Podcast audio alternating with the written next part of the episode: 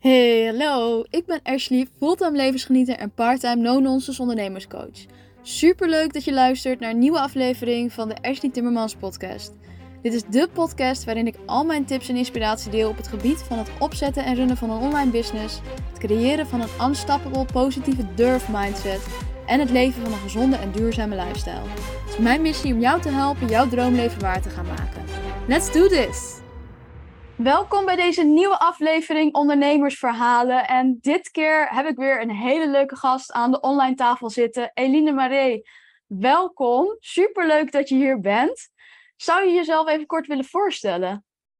Yes, dankjewel dat ik mag komen natuurlijk. Uh, ja, ik ben Eline. Uh, ik noem mezelf een business motivator uh, en netwerkkoningin. En ik denk dat die twee titels mij gewoon het uh, beste samenvatten wat ik uh, allemaal doe qua online ondernemen. Tof. Wat, wat doe je precies qua online ondernemen? yes, ik ehm, ben gestart met een online platform waar ouders en oppassers elkaar kunnen vinden. Dat bedrijf zijn we in 2020 gestart. En vanuit daar ben ik de online community startende vrouwelijke ondernemers begonnen. Vanuit mijn behoefte om meer uh, in contact te komen met andere vrouwen die ook aan het starten zijn en alles aan het leren zijn. Uh, en dat is sinds januari een bedrijf. Uh, vooral omdat ik heel veel netwerkevents organiseer en natuurlijk het Vrouwelijke Ondernemerschalen, mijn grootste trots dit, op dit moment. dus dat is een beetje wat ik doe.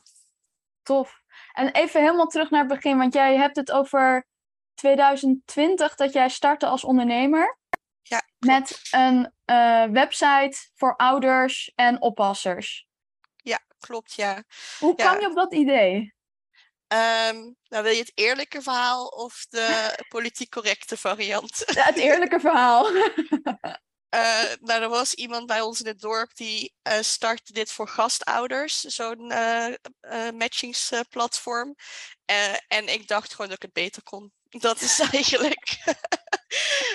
ik had daar gewoon een hele duidelijke visie op.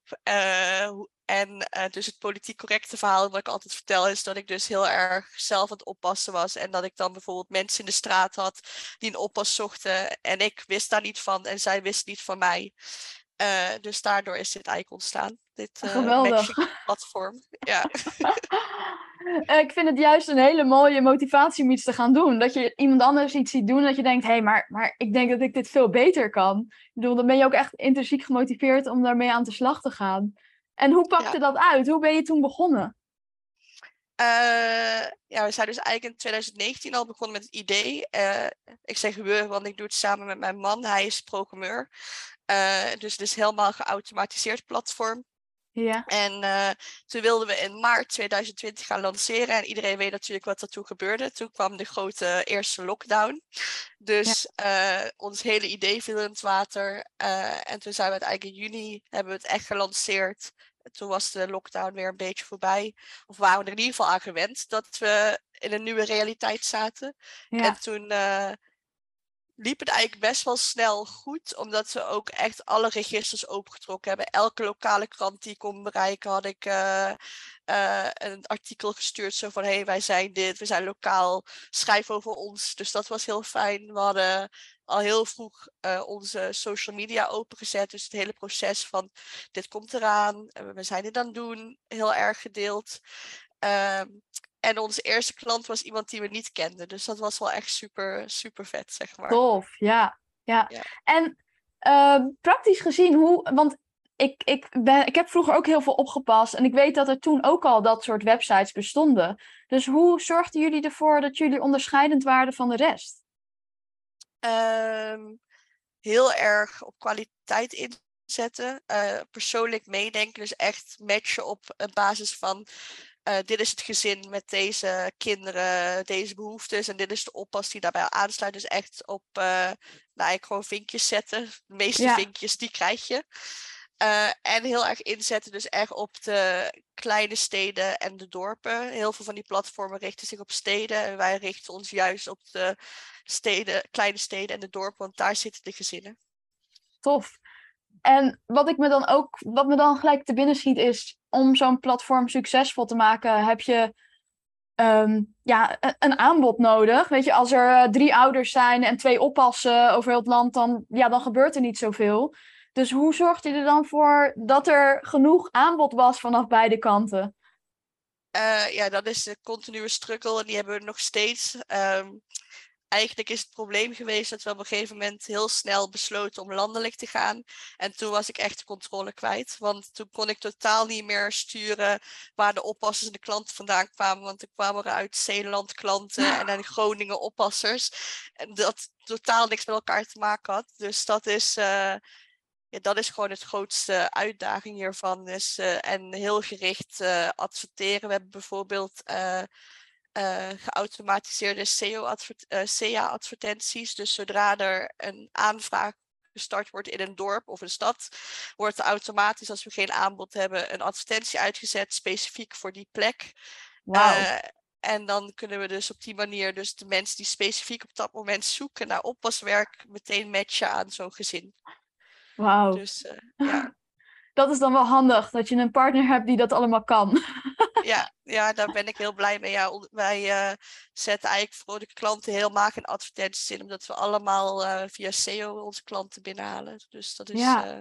En even voor de luisteraar, wat is SEO en CA? SEO is dus, ja, zeg maar ik noem het altijd gratis klanten. Dus dat is op basis van uh, content, juiste zoekwoorden in je teksten verwerken, vinden mensen jou op Google. Want nou ja, Google, mensen typen vragen op Google. Google heeft een antwoord nodig. En als jij vaak genoeg dat antwoord in je tekst verwerkt, dan word jij naar boven gehaald, zeg maar. Dus dat is bij SEO. En SEA is dus dat je dat uh, op betaalde wijze doet. En eigenlijk altijd bovenin komt te staan. En die eerste drie resultaten, zeg maar. Ja, ja, en jullie zorgen er dus voor dat jullie betaalde advertenties op Google zetten zodra je merkt dat er in een bepaalde uh, gebied behoefte is aan een oppas of een oppasadres. Klopt, ja. Tof, ja. En um, nou ja, dat netwerken, dat is wel iets. Nou ja, die, die, dat hele oppas, die oppassite is eigenlijk ook al dus heel erg netwerken, maar jij doet nog meer met netwerken. Ja, klopt. Ja, dat is de community natuurlijk. Startende vrouwelijke ondernemers is uh, uh, eigenlijk ontstaan toen ik dus begon met ondernemen, zat ik in een soort van die rabbit hole van iedereen verdient 10k en heeft het helemaal gemaakt behalve ik, zeg maar. ik denk dat dat voor veel mensen herkenbaar is. En ik miste gewoon echt uh, andere ondernemers. Ik dacht, ben ik dan de enige die het niet snapt? Ben ik dan de enige die ondernemen moet leren? En daardoor is die dus die community gestart. Um, en heb ik ook wel beseft hoe belangrijk je netwerk is voor je. Gewoon om, uh, nou ja, voor alles in het ondernemen. Ja. En ben ik dus uh, netwerkevents gaan organiseren vanuit de community. Ja, en, en die community heb je sinds 2020 ook, zei je? Ja. Hoe, hoe liet je die groeien? Want dat is natuurlijk ook iets wat je heel veel hoort tegenwoordig. Van ja, je moet een, uh, een netwerk opbouwen. En een Facebook community is daar een hele laagdrempelige manier voor. Maar wat ik heel vaak merk bij mijn klanten ook, is dat op het moment dat je dus zo'n community wil starten, hoe ga je aan mensen komen? Want in andere groepen mag je geen reclame maken. Um, als je geen netwerk hebt, hoe ga je dan mensen bereiken om in jouw community te komen? Ja, in het begin heb ik uh, uh, veel via Instagram gepromoot over deze Facebook community en daar dus wel de eerste leden door binnengekregen. Ook gewoon mijn hele vriendenlijst die enigszins relevant was, gewoon uitgenodigd. Um, wat ook heel erg helpt, is echt een hele duidelijke naam. Dus startende vrouwelijke ondernemers is vrij duidelijk voor wie dit is. Ja. Um, maar dat is dus ook als mensen zoeken op Facebook op ondernemen of ondernemers of dat, dan komt deze groep dus ook naar voren. Uh, en op een gegeven moment is gewoon dat balletje gaan rollen. Mensen zijn andere mensen gaan uitnodigen. Er wordt heel vaak over de groep gepraat of je moet daarin. Uh, Facebook boost de groep heel erg. Weet je dat er dan staat ja. uh, aanbevolen voor jou, zeg maar. Dus maar dat komt wel vooral omdat ik er in het begin en nog steeds heel veel tijd in geïnvesteerd heb. Heel veel informatie delen, aanwezig zijn, die groep actief houden, reageren op anderen. Ik weet nog hoe blij ik was dat er iemand anders een vraag in die groep stelde. Ik heb echt zo hard gejuicht thuis. Dat, is echt, dat was zo'n mijlpaal dat uh, dat niet meer uit mij kwam alleen maar. En hoe lang duurde dat ongeveer voordat die persoon een vraag stelde? Ik geloof dat het wel een maand geduurd heeft of zo. En, en dan in het begin, je wil ook snel heel, althans, ik wilde heel snel de diepte in, weet je wel, echt de moeilijke onderwerpen bespreken. Maar ik leerde ook wel dat dat juist niet werkt. Dat je echt veiligheid moet creëren. Dat, dat mensen liever antwoord geven op uh, wat heb je vandaag gegeten dan uh, waar loop je tegenaan op het gebied van ondernemen, zeg maar. Dus dat, ja, uh, ja, dat was, was even schakelen. Ja, interessant. Want nu komt ook weer eigenlijk een, een heel belangrijk aspect van het ondernemen naar voren, is dat je niet moet opgeven op het moment dat je ja, geen vooruitgang denkt te hebben. Vaak is dat gewoon nodig en moet je door die fase heen en daarna gaat het uh, exponentieel groeien. Klopt, ja. En, en nog even terug naar, want jij zei, ik heb het op uh, Instagram gepromoot. Deed je dat dan betaald of deed je dat op jouw eigen kanaal gewoon? Op mijn eigen kanaal, ja. Ik had een soort van, uh, ik begon op Instagram helemaal incognito, een soort van mijn ondernemers struggles delen. En dan had ik een leuke groep dames om me heen waar je dan regelmatig contact mee had. Uh, en vanuit dat profiel heb ik dus gedeeld van er is nu die community. En toen ben ik ook wel uh, gewoon al out gegaan op Instagram. Zo van ik ben die persoon die dit aan het doen is, zeg maar. Ja, tof hoor. En nu zijn er meer dan 10.000 leden volgens mij, hè? Klopt, ja. Ja, echt bizar. Ja, ja in, in twee jaar tijd. Dat is best wel, ja, dat is best wel een prestatie, uh, vind ik zelf. En, en hoeveel tijd ben je nu nog kwijt aan die community? Uh, ja, wel veel tijd, want ik heb echt dagelijks gewoon 20, 30 aanmeldingen die ik allemaal door moet lopen. Ik heb uh, net zoveel of meer berichten die goedgekeurd moeten worden, want ik laat dus geen berichten door. Ik moet echt heel veel uh, heel veel shiften daarin. Dus daar ben ik wel veel tijd aan kwijt. Maar ook gewoon, uh, ja, mijn onambitieuze doel is wel om naast de KVK te komen staan, zeg maar, qua plekken waar je naartoe gaat als je start. Dus ik ben ook heel erg bezig van wat kan ik nog allemaal aanbieden? Hoe kan ik het waardevoller maken? Wat, wat zijn onze mogelijkheden? Dus ik ben nu veel meer aan het uitbouwen eigenlijk. Tof. Heel tof. En, en uh, in uren, wat zou je dan zeggen ongeveer per dag? Ik denk dat ik wel drie, uh, drie uur per dag ermee bezig ben. Echt wel veel tijd. Ja, ja, dat is veel tijd. Ja. ja. Maar er staat dan nu ook wel echt een hele toffe groep. En, en je organiseert binnenkort een gala. Ja, klopt. Kan je daar wat meer over vertellen? Ja, ik uh, wilde heel graag dat online naar de fysieke eh, brengen. En ik woon zelf in Griekenland, dus uh, om dan regelmatig dingen te organiseren is lastig. En toen dacht ik, ja, als ik dan een event organiseer, dan moet het wel ook echt next level gaaf zijn. En beetje uit je comfortzone zijn om er naartoe te gaan. Dat je denkt van oeh, dit is wel echt heftig. Dan is het een geslaagd event. Ja. Dus ik dacht, uh, ja, wat is feestelijker dan een gala in mijn ogen? Oh. En toen uh, ben ik dat gaan starten. En het draait dus eigenlijk om het netwerken. Maar ik vind het ook heel belangrijk dat we daar even stilstaan bij wat we allemaal bereikt hebben. Want het negatieve onthoud je zo makkelijk, maar je vergeet zo snel waar je vandaan komt, wat je bereikt hebt, welke stappen je gemaakt hebt. En ik denk dat het voor iedereen goed zou zijn als we wat vaker stil zouden staan. Ik kunnen zeggen van nou, ik ben echt trots op mezelf dat ik dit bereikt heb. Uh, dus dat is ook een stukje van het gala. Gaaf. En, en als je naar jou persoonlijk kijkt, uh, hoe ga jij daar dan mee om? Hoe, want dat zijn natuurlijk struggles die iedereen heeft ook van, nou ja, waar we het net al even over hadden, dat doorzetten en dat er weer iets tegenvalt in de business of dat het niet uitpakt zoals je gehoopt had. Hoe ga jij daarmee om? Uh, ik denk net zoals iedereen, pieken en dalen. Het is gewoon, het is één grote achtbaan natuurlijk, dat hele ondernemen. Ik, uh, hoe ik het een beetje voor me zie, is dat de eerste fase is dat je denkt dat je idee goud is en dat iedereen in de zwijm valt van jouw idee. Vervolgens kom je in een soort van zwarte gat terecht dat dat niet het geval is en dat niet iedereen obsessief met jouw idee bezig is zoals jij dat bent. Ja. En om, om dan vervolgens je weer op te pakken en te denken, ja, maar weet je, het is het wel waard om hier energie in te steken. En ik denk dat dat gewoon een paar keer per maand en misschien wel per week gewoon gebeurt, zeg maar. Die drie fases achter elkaar. Heel herkenbaar. en, en dan naar dat moment dat je dus in dat zwarte gat valt en daar weer uit moet klimmen. Want dat is wat heel veel ondernemers heel lastig vinden. Hè? Om dan, ja, vaak stoppen ze na een paar keer zo'n ervaring te hebben gehad van dat zwarte gat. hoe ga jij daar dan, hoe kom je daar weer uit? ik denk dat het belangrijkste daarvoor voor mij is dat uh, je why, waar we het altijd over hebben, dat die wel echt groot genoeg moet zijn. Ik wil heel graag dat vrije leven leiden, dat, dat kunnen wonen in Griekenland, naar het strand gaan wanneer ik dat wil. En dat betekent dus ook dat ik in heel veel loondienstbanen knettergek zou worden. Dus voor mij is loondienst heftig genoeg om door te zetten. Dat het idee van loondienst is, uh, nou ja, is gewoon ja, naar genoeg, om het zo te zeggen, om te, om te denken, oké, we gaan het nog een keer proberen. Uh, en ook heel erg openstaan voor feedback, merk dat echt helpt. Dus ook echt gewoon als andere mensen hebben vaak heel veel dingen door die bij jou een blinde vlek zijn en dat ook gewoon toepassen, implementeren. Dat helpt mij ook heel erg. Dat ik dan denk van, oh ja, dat is weer iets nieuws wat ik kan proberen. Nou, laten we het dan maar doen, zeg maar. En dat, uh, dan ben je weer bezig. Ja, ja. Heb je daar een specifiek voorbeeld van, vanuit het verleden?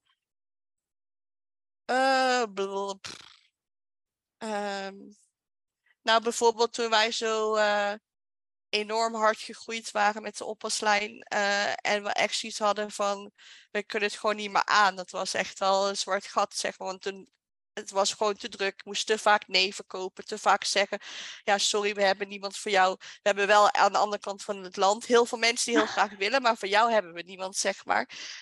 Dat, toen zei iemand ook gewoon van, ja, maar je mag ook gewoon weer terug naar minder. Je hoeft dit niet op dit niveau door te blijven zetten als dat nu voor jou niet werkt. Je mag de keuze maken om terug te schalen en de meest succesvolle plaatsen te kiezen. En vanuit daar die fundering goed neer te zetten en opnieuw te gaan bouwen. En dat was wel echt uh, wat ik toen nodig had, want ik wist echt even niet meer wat we moesten, zeg maar.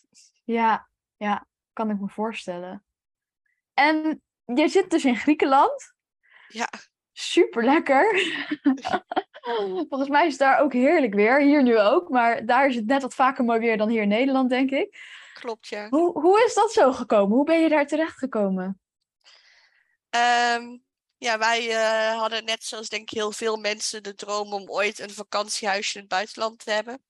Alleen dat bleef altijd bij een soort droom, want het was onbetaalbaar. En verder dachten we niet na. Totdat mijn schoonvader op een gegeven moment een huis in Frankrijk kocht, een enorme boerderij met heel veel land en meerdere schuren, echt enorm. En die betaalde daar toen maar, maar tussen aanhalingstekens, 44.000 euro voor.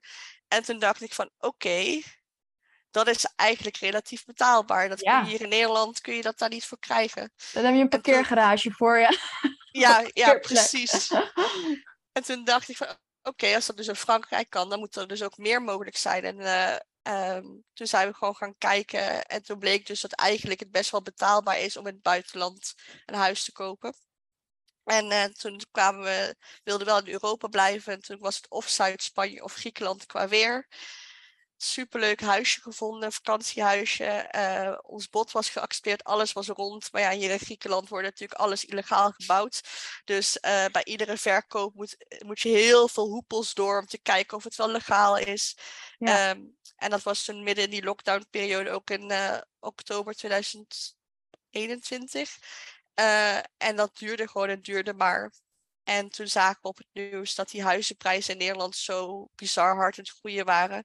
En toen uh, keken we elkaar aan en dachten, nou, we kunnen ook gewoon emigreren. Dus toen uh, hebben we ons huis te koop aangeboden.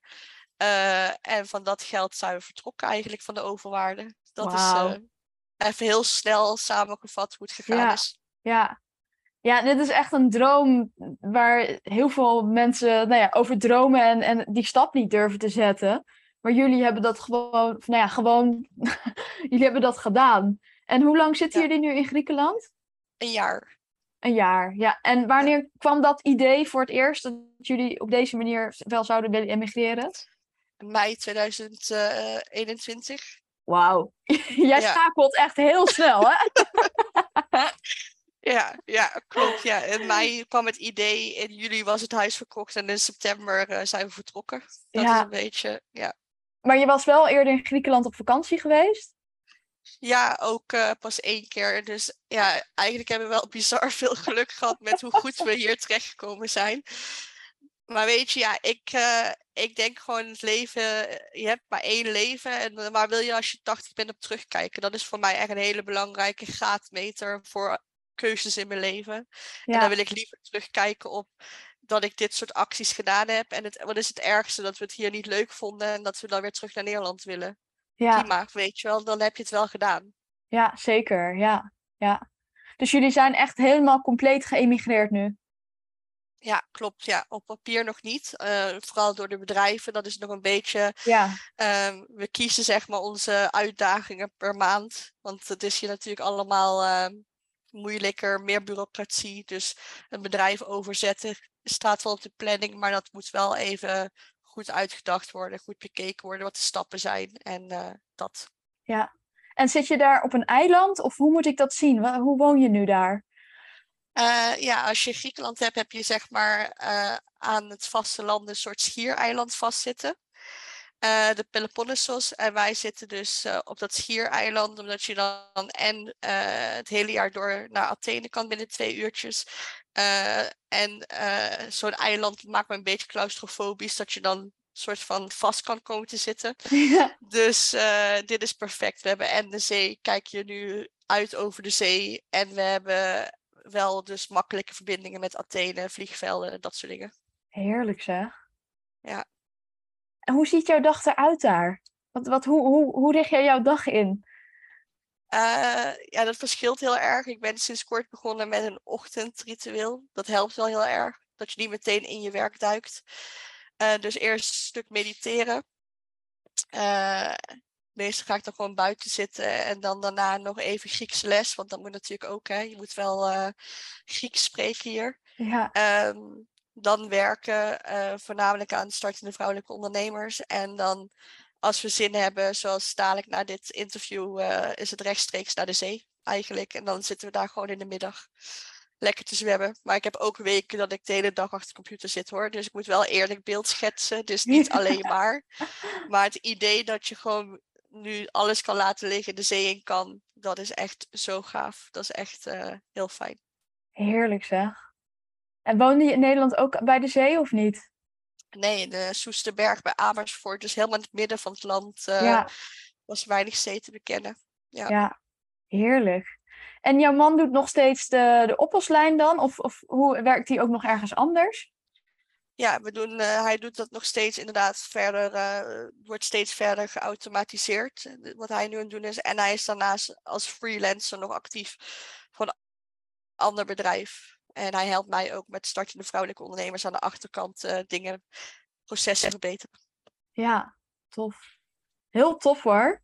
Ik ben zelf nog nooit in Griekenland geweest, maar het staat zeker op het lijstje. Maar ik surf ja, heel veel, dus um, zodra er geen golven zijn, hebben wij altijd een extra barrière om naar land toe te gaan. Maar volgens mij is het daar echt prachtig. Ja, het is echt zo mooi. De, ja, heel gevarieerd. We hebben supergroen, knalblauwe zee, heerlijk eten. De mensen zijn heel erg warm hier. Uh, het is heel betaalbaar, helpt ook. Hè? Je kan uh, eigenlijk beter iedere avond gaan uit eten dan zelf koken, bij wijze van ja, spreken. Ja, ja, je eet hier met z'n tweeën voor 30 euro heel uitgebreid avondeten, zeg maar. Dus dat is best wel betaalbaar, inclusief ja. uh, drankjes. Dus ja. En zijn er veel, veel uh, andere ondernemers? Want het is niet echt een, een digital nomad plek, Griekenland. Dus is het, is het daar, heb je daar in de omgeving mensen leren kennen? Of hoe zorg je voor een sociaal netwerk daar? Uh, mijn doel uiteindelijk is om hier een soort van uh, startende vrouwelijke ondernemers Griekenland op te starten. Oh. Uh, vooral omdat Griekenland qua in ieder geval de vrouwen nog wel net pas aan het ondernemen zijn, net pas een soort van bezig zijn met zichzelf daar te ontwikkelen. Dus ik denk dat dat er hier nog meer impact te maken valt, zeg maar. Ja. maar dan moet ik eerst de taal goed spreken. En verder heb ik wel uh, uh, wat een groepje Nederlanders die natuurlijk ook allemaal wel ondernemen die hier actief zijn, zeg maar, die hier wonen. Maar mijn netwerk en mijn sociale contacten haal ik wel nog veel uit Nederland voor het stukje ondernemen vooral, zeg maar. Ja. Dat, uit die community. Ja. En hoe is het voor jullie dan om je hele familie en vrienden achter te laten in Nederland? Ja, ik ben daar uh, uh, denk ik best wel makkelijk mee. Want ik ben ook vanuit Limburg naar Utrecht geëmigreerd. Dus als je dat aan kan, dan kun je denk ik dit ook wel aan. Nee, dat is onzin. Maar in ieder geval, ik ben al gewend om mijn ouders dus uh, minder vaak te zien. Ja. En je hebt gewoon gelukkig heel veel contact via WhatsApp. Uh, veel bellen, appen. En mijn vader zegt altijd, nou, ik heb nu meer contact met je dan toen je in Nederland woonde, want je deelt veel meer. Dus dat is uh, wel positief, zeg maar. Ah, grappig. Ja, ik herken dat heel erg. Als wij weg zijn in de camper, dan, dan bel ik ineens, uh, of, of app ik elke dag met mijn moeder. Terwijl, ja, nu zie ik er misschien één keer per week, of twee ja. keer per week. Dat, hoe dat dan werkt. Dat is toch een mentale, ja, mindset dingetje ook weer. Ja. Tof. En als ik het zo hoor, leven jullie eigenlijk best al jullie droomleven. Wat is dan jullie volgende doel? Uh, een boot. dat, dat, lijkt me echt de ultieme vorm van vrijheid. Nu huren we regelmatig een boot, maar gewoon het idee dat je dan die boot gewoon achter je auto hangt, even de zee in kan, dat je naar eilanden op vakantie gaat en dan daar ook met de boot, weet je wel, dat, uh, dat lijkt me mm, super gaaf ja, om tof. te bereiken. Ja. En je zou weer uh, retreats kunnen geven voor uh, startende vrouwelijke ondernemers op die boot. Ja, dat zou dan inderdaad ook nog kunnen, inderdaad. Dus uh, dat biedt dan ook weer hele nieuwe mogelijkheden. Dus dat is wel super tof, ja. Dus een ja. boot, dat is het eerstvolgende doel. Ja, tof. En, en um, op gebied van business, want je had het net ook al over dat jullie de, een soort van naast de KVK willen staan qua aanbod. Ja. Maar dan voor vrouwelijke ondernemers, uiteraard. Ja. Hoe, hoe, dat is natuurlijk best wel een groot doel. Dus hoe ga je dat dan haalbaar maken? Want voor heel veel mensen die, die nu luisteren, die zullen misschien denken van ja, uh, dat kan niet, weet je, de KVK. Maar, maar jij bent ervan overtuigd dat het wel kan. Hoe, hoe, Ja. hoe, ga, je dat, hoe ga je dat waarmaken? Be- Split je Ehm. het op in kleine stapjes? Of heb je daar een plan voor? Of... Nou, ik, ik denk sowieso, mijn belangrijkste inzicht is dat zo'n community en dit soort grote projecten, dat dat eh, een groepsproject moet worden. Dus dat, er echt niet, eh, dat dat echt niet alleen maar vanuit mij kan komen. Ik bedoel, ik Ja. kan het tot een bepaald niveau brengen, maar ik ga echt andere mensen nodig hebben om dat door te bouwen. Ja, En dat vind ik ook super tof, want ik heb nu dus die oproep gedaan waar jij ook aan meegedaan hebt over gastblogs en Ja. eh, masterclasses. En dan hoor je wat iedereen doet en er zit zoveel kennis in die groep, ja, zoveel expertise. En dan denk ik, is gewoon zonde dat we daar niet meer ruimte voor bieden. Dus dat is eigenlijk wat ik wil doen, is eigenlijk met de community de community uit gaan bouwen. En eh, op korte termijn is dus mijn idee om eh, een soort mastercursus starten met ondernemen te maken, waar dan iedereen dus inputs voor kan aanbieden, zeg maar. Ehm, ik ben bezig met een eh, soort platform te bouwen waarin je een profiel aan kan maken, zodat we die oproepjes van ik zoek een boekhouder iets gerichter kunnen gaan doen. Dus dat je ook gematcht kan worden. Wat ik nu bij de oppaslijn doe, wil ik gaan vertalen naar ondernemers. Ik denk dat daar heel veel behoefte aan is. Ook om je aan de ene kant reclame te maken voor jezelf makkelijk. En aan de andere kant vind ik het gewoon zonde dat het algoritme van Facebook bepaalt wie de opdracht krijgt. ja, Ehm, terwijl er misschien iemand veel geschikter is voor die persoon. Ehm, nog meer events, zeg maar. Het lijkt me bijvoorbeeld super gaaf om een soort van ondernemersfestival op te zetten naast gala's. Dus dat soort dingen. Het zijn eigenlijk allemaal losse projecten die dan samen eigenlijk eh, die impact moeten gaan creëren. ja. Ideeën genoeg. ja, dat, geen gebrek aan. Nee. Nee, ja. En wat ik zo tof vind aan jou en aan de community die je opgericht hebt, is dat jij inderdaad heel erg uitgaat van het positieve in iedereen in je groep en dat je juist heel open staat voor samenwerkingen en bijdrages. Terwijl in heel veel andere groepen, wat ik om me heen merk, is die zijn heel erg eh, competitief en ze voelen zich heel snel aangevallen of hebben heel snel het idee dat iemand hun klant komt wegpikken. Dus, dus blijf allemaal weg en maak geen reclame en doe maar allemaal gewoon eh, wat ik zeg. En dan komt het allemaal wel goed. Maar jij staat daar heel anders in, naar mijn idee. Ja, klopt. Ja, ik eh, zeg maar gewoon platte reclame vind ik niks toevoegen aan de groep. Want Nee. eh, mensen hebben geen band met je opgebouwd. dus die, die keur ik ook niet goed natuurlijk. Maar ik vind het wel ja, er zit gewoon zoveel kennis en ervaring in zo'n groep. En ik geloof dat 1 plus 1 echt 3 is. En dat we met z'n allen zo'n sterke basis kunnen creëren waar we op voort kunnen borduren. Kijk, heel eerlijk, ik wil altijd een vinger in de pap houden. Zal ik heel eerlijk in zijn. Ik vind het fijn dat het via mijn community gaat, zeg maar. Maar ik vind mezelf niet iemand die boven op een totempaal moet zitten en dat de rest dan als een soort daar omheen moet zetten, zeg maar. Ja, nee.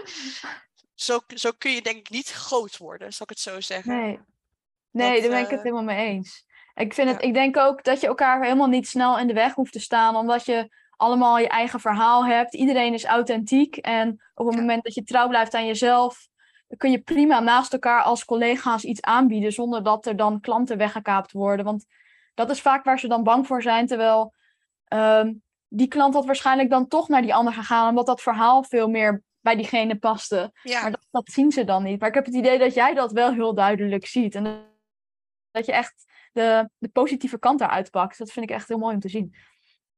Ja, ja het is gewoon. Uh, ja, ik vind het gewoon ook gewoon tof, weet je wel. Want dan hebben we iemand die een LinkedIn masterclass kan geven. We hebben iemand die het over Pinterest kan doen. Ik bedoel, er is geen één persoon die al die skills kan uh, bevatten, zeg maar. Dus is juist, denk ik, leuk om ook een podium te kunnen bieden. Dat je de, dat je de ruimte hebt en het bereik om anderen te helpen. Ik denk dat ik dat heel leuk vind. En uh, ja, ik vind waarde creëren gewoon belangrijk. Dus met, met elkaar is het meer waarde eigenlijk. Ja, heel mooi. Ja. En je hebt gelijk. Dat, ja. uh, dat het heel erg gaat om je eigen merk, om je eigen branding. Dat mensen daar uiteindelijk op aangaan. Dus dat, uh, dat er inderdaad voor iedereen een klant is. En dat de een echt niet weggaat bij jou omdat de ander hetzelfde doet. Dat geloof ik ook totaal niet in. Nee. nee. Nee, mooi. En als je nu kijkt naar uh, startende ondernemers, hè, want nou ja, daar gaat jouw community over. En ook deze podcast zullen veel startende ondernemers naar luisteren. Wat zouden dan jouw, jouw tips zijn? Veel mensen zijn natuurlijk toch onzeker over het starten. En wat, wat, wat denk jij dat ze kan helpen in dat pad? Um, gewoon doen. Die is heel flauw, maar die is wel echt heel belangrijk. Uh, dus niet, uh, wat ik merk bij heel veel starters en waar ik zelf ook uh, me schuldig aan maak, is dat je heel erg in je hoofd gaat zitten en dat je een soort van het perfecte aanbod wil lanceren. Maar allereerst bepaal jij niet wat het perfecte aanbod is. Jouw klant bepaalt wat een perfect aanbod is. Dus is het bijna arrogant om heel erg uit te gaan van dat jij weet wat dan het perfecte aanbod is. Dus dat zou, kun je sowieso al loslaten. Dat is er niet. Het perfecte aanbod wordt ook gecreëerd door te doen, bij te schaven en te schakelen. Ik geloof erin dat dat veel waardevoller is dan zelf maandenlang in dat creatieproces blijven zitten. Alhoewel ik ook weet hoe verleidelijk het is om dat te doen, want het is heel kwetsbaar en je voelt je heel erg. Um, het is gewoon je eerste outing, zeg maar. Dus dat moet dan gewoon goed zijn. Maar ja, daar zit natuurlijk ook niemand op te wachten. Want niemand die ligt s'avonds wakker om te kijken wanneer Ashley de aanbod eindelijk lanceert. Dus dat maakt allemaal niet uit. Maar goed, dat is in het begin natuurlijk uh, wel zo. Dus gewoon doen is eigenlijk de samenvatting van dit hele verhaal. Ja. Um, en ja, dus ook gewoon een open lerende houding hebben. Dus heel erg kijken van welke signalen krijg je terug vanuit je, A, je klant of B, vanuit je omgeving. Uh, en meteen uh, durven te kiezen. Ik denk uh, ondernemers die meteen een duidelijke niche hebben, dat die echt een voorsprong hebben. Want